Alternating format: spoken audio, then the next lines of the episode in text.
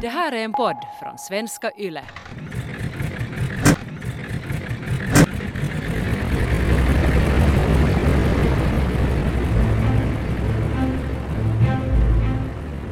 De två männen ska snart kliva ombord på det lilla flygplanet som i skydd av mörkret ska ta dem över gränsen till Finland. Ovanför Sankt Mikkel ska de utlösa sina fallskärmar och sakta sväva ner på fiendemark. De två männen lutar sig mot flygplanskroppen, röker varsin cigarett och småpratar. Förberedelserna är gjorda. Maten, pistolerna och ammunitionen, giftet och radioutrustningen ska ännu bäras ombord på planet. Sen är allting klart för det hemliga uppdraget. Karl Alexander Wachter och Alexander Pylsy ler mot varandra. Deras kommande gärning ska sprida sig som en löpeld i tidningarna och nyhetssändningarna världen över. Snart ska alla veta att marskalk Carl Gustav Mannerheim blivit mördad. Du lyssnar till del 1 av Svenska Yles krimpodd Mannerheim ska mördas, säsong 2. Mitt namn är Petter Lindberg. Jag står på en skogsväg. Det är herr Molotovs fredsänglar, bombplan och jagarplan som hela tiden strövar över de här trakterna och försöker irritera våra trupper, beskjuta dem, bombar dem och så vidare. Hittills har det varit ganska lugnt den här morgonen, men man väntar dem vilken minut som helst. Våren 1943 befinner sig Finland i kläm mellan två stormakter. Från Nazityskland får Finland vapen som behövs i kriget mot Sovjet, men alliansen med Hitler gör Finland samtidigt till en fiende i västmakternas ögon. I och med Tysklands motgångar blir den röda armén dessutom starkare på östfronten, vilket ytterligare förvärrar Finlands situation och tvingar landet och Mannerheim till fredsförhandlingar med Sovjet. Faran från öster är hela tiden den här Eh, ideologiskt och politiskt värsta. Uh, sen en annan sak att han inte heller personligen litade på Tyskland globalt, men i synnerhet inte på Hitler. Och, och det här måste han då liksom balansera sig mellan, mellan de här två ondskorna. Och det har pågått redan länge, 39 redan konstaterar han att, att det att Finland var så kallat förryskt och hotat tidigare på 1890-talet, så det var bara barnlek mellan den här situationen, att nu är det verkligen tosi kyseessä. Finlands ställning år 1943 är inte avundsvärd, säger chefen på Mannerheimmuseet, Kristina Ranki. Men det finns en man som man igen ställer sitt hopp till. Mannerheim har tidigare lett Finland ur kriser. År 1943 hoppas man att han igen ska rädda landet. Då har han varit länge en känd figur och står nu då sedan flera år på nytt som ledare och en auktoritet såklart eh, och respekterad men sen kan man fråga sig att eftersom man vet att han är omtvistad och i synnerhet efteråt omvärderad så det där hur mycket han var omtyckt men, men stadigt i liksom makt. Mannerheims reella makt på hemmaplan är rätt ohotad men frågan är om inte hans symboliska makt för det tappra Finland är ännu större.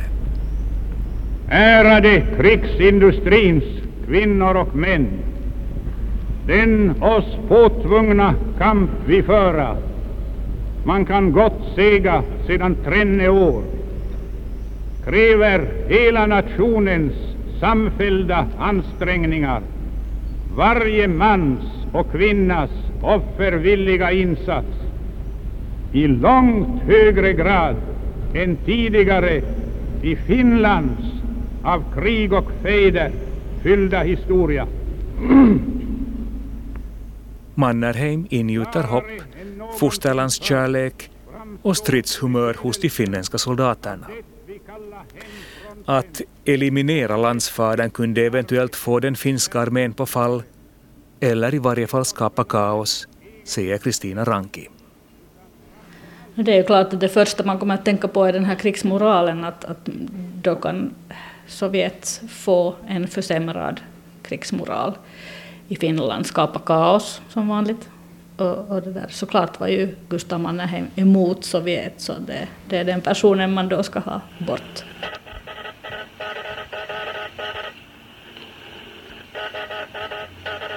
Se mitä näihin murhayrityksiin tulee, niin, niin, niin mitä Mannerheimia kohtaan suunniteltiin, niin mä, siitähän ne, he saivat tietoa sitten pidätettyjen vakojen kuulusteluiden kautta. Ja sitä kautta sitten, siis sehän oli se valvontaosaston leipätyö, se vastavakoilu, eli vihollisen vakoilun torjunta.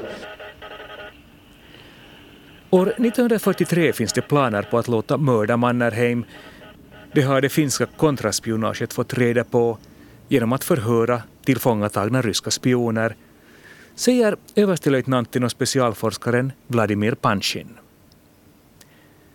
Uppgifterna delgavs naturligtvis också Mannerheim, som till en början förhöll sig avvokt till en skärpt bevakning. Mannerheim alun perin suhtautui varsin ynseästi tämän koko turvallisuusosaston olemassaoloon, että hän, hän koki, että hän on itsenäinen sotilasjohtaja, joka ei tarvitse tällaista suojaosaa, mutta sitten kun hänelle pystyin todistamaan, että Neuvostoliitossa oli koulutettu noin 20 hengen vahvuinen osasto, jonka tehtävänä nimenomaan oli Mannerheimin surmaaminen, niin, niin hänen asenteensa sitten muuttui tähän ja hän salli näiden suoja, suojahenkilöiden olla, olla tuota noin siinä hänen läheisyydessään. Mannerheim upplevde att hän var en självständig militärledare som inte behövde livvakter. Men när man kunde påvisa att Sovjet utbildat 20 man för att mörda honom ändrade han motvilligt åsikt, säger Mannerheims livvakt Atte Kalajoki i en intervju från år 1993. Siitä minä kuulin jo silloin Helsingin kautena, että hän pitkin hampain oli suostunut tähän järjestelyyn, joka äh, silloin ensimmäisen kerran sotaa uumoillen järjestettiin.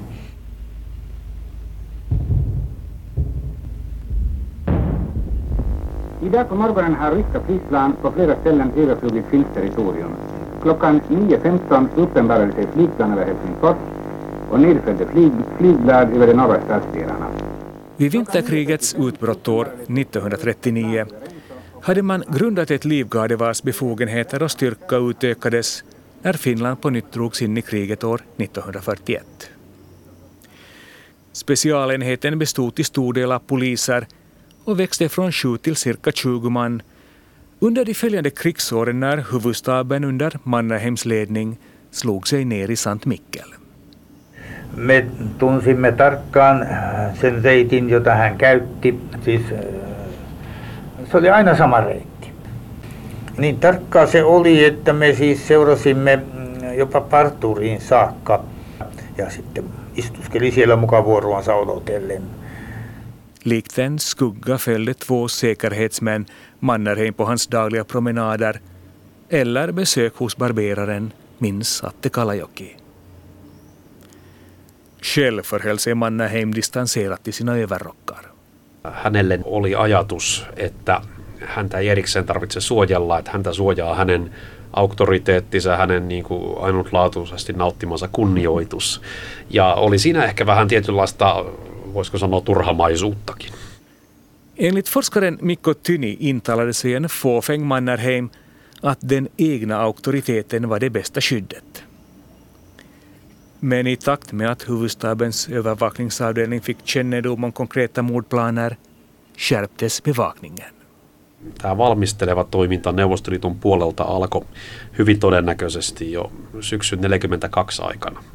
Silloin pudotettiin Mikkelin lähistölle tällainen ensimmäinen tiedustelupartio, kaksimiehinen desanttipartio ja, ja heillä oli kuulustelupöytäkirjojen perusteella tämmöinen yleistasoinen tehtävä ottaa selville Mikkelin kaupunkialueella päämajan eri osastojen sijoituspaikkoja, korkeiden upseerien asuinpaikkoja. Redan hösten 1942 släppte Sovjet ner två andra desanter i närheten av Sankt Mikkel.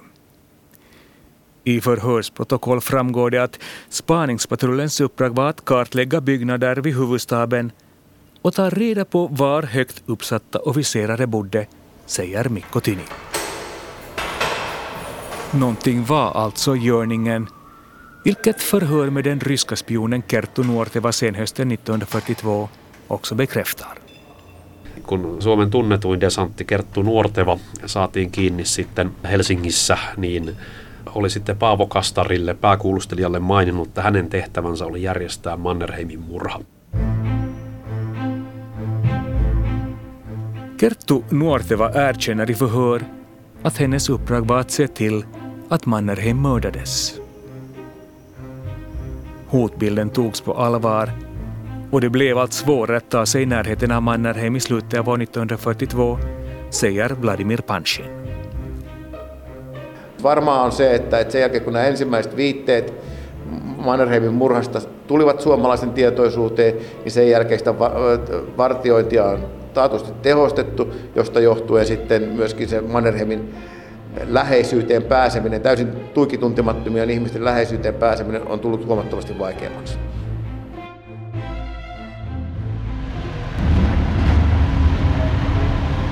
På andra sidan gränsen fortsätter ändå förberedelserna för ett attentat och i mars 1943 ska två fallskärmsförsedda män snart kliva ombord på ett litet flygplan.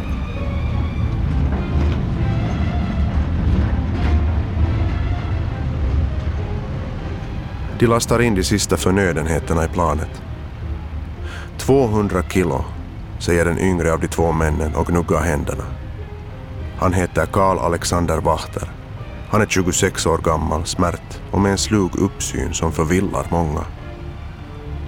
Den andra mannen ser trött ut, trots att det varit Wachter som burit de flesta lådorna med vapen, mat och radioutrustning från förrådet till det väntande planet. Men så är också Alexander Pylsy betydligt äldre än sin kollega, redan 51 och märkt av många års umbäranden i Sovjet.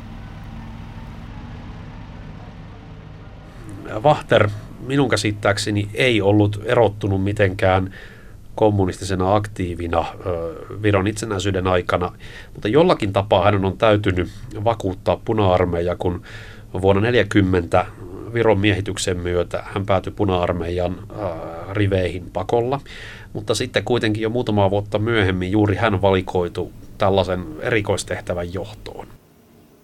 Enligt Mikko Tyni saknade esten Alexander Wachter en kommunistisk övertygelse.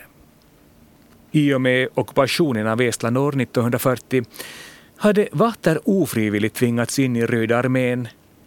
Men bara några år senare hade han märkligt nog blivit anförtrodd ledarskapet för detta specialuppdrag att mörda Mannerheim. Wachters kompanjon Alexander Pylsy hade däremot utmärkt sig som en hårdför kommunist. Pylsyllähän oli raskauttavaakin ideologista taustaa, että hän oli aikanaan sitten valtiopetoksesta tuomittu vuoden 18 punakaartiaktiivi. Ja, ja tästä löytyy valtion rikosoikeuden pöytäkirjat. Ja hän sitten vankilasta vapauduttuaan oli, oli livahtanut Neuvostoliittoon. Folkskolläraren Alexander Pylsy tillhörde de röda som efter inbördeskriget dömts för landsförräderi. Efter avtjänad dom slank han iväg till Sovjet. Nu drygt 20 år senare är Alexander Pylsy drygt 50 år gammal och man kan som Mikko Tyny givetvis spekulera varför Sovjet skickar en så ålderstigen man på ett så farligt uppdrag. Voidaan spekuloida, miksi laskuvarjohyppytehtävälle fyysistä toimintakykyä vaativalle tehtävälle otettiin lähes 50-vuotiaita miehiä, mutta se voidaan nähdä myös niin, että he ehkä herättäisi tietyllä tavalla vähemmän huomiota siellä Mikkelin läheseudulla liikkuessa. He kuitenkin oli natiivia, murteettomia Suomen puhujia. En äldre man skulle förmodligen väcka mindre uppmärksamhet i trakterna av Sankt Mikkel och trots 20 år i Sovjet talade Pylsy dessutom fortfarande en god finska. Men förutom Vahter och Pylsy ingick ännu en tredje person i den lilla truppen, nämligen Nikolai Suronen. Tästä Suurosesta puolestaan on olemassa ää, sellaisia viitteitä, että hän olisi sitten joutunut vapaussotaan vähän vastentahtoisesti, että hän olisi halunnut pysytellä koko sodan ulkopuolella, mutta sitten hän, hän joutui, joutui ihan sodan loppuvaiheessa mukaan siihen valkoisten riveihin ja sieltä hän oli sitten kuitenkin livahtanut rajan ylitse raudusta Neuvosto-Venäjälle. Förmodligen ville Nikolaj Soronen inte delta i det finska inbördeskriget men ofrivilligt drogs han med på den vita sidan, säger Mikko Tyni. Efter kriget flydde Soronen till Sovjet. Ja siellä työskennellyt sitten useamman vuosikymmenen, saanut veturinkuljettajan koulutuksen, avioitunut. Sitten hänen vaimonsa olisi karkotettu Siperiaan. Hän itse oli erittäin huonossa kunnossa, sairastunut, nälkiintynyt. Näissä oloissa hänet rekrytoitiin tämmöiseen erikoistehtävään. I Sovjet jobbade Soronen som lokförare, men under den stora utrensningsvågen hamnade hustrun i Sibirien medan han själv fick gå hungrig och lida all världens nöd. Han var med andra ord ganska lätt att övertala för ett hemligt uppdrag som förmodligen gav honom pengar och en chans att återse sitt hemland.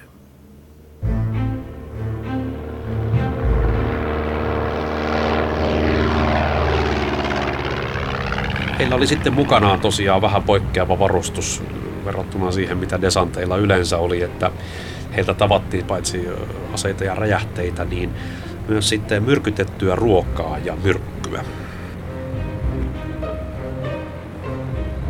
Våren 1943 är tre män på väg till Finland. I deras packning ingår vapen, ammunition, förgiftad mat och gift. Målet är Sankt Mikkel och den finska överbefälhavaren Carl Gustav Mannerheim.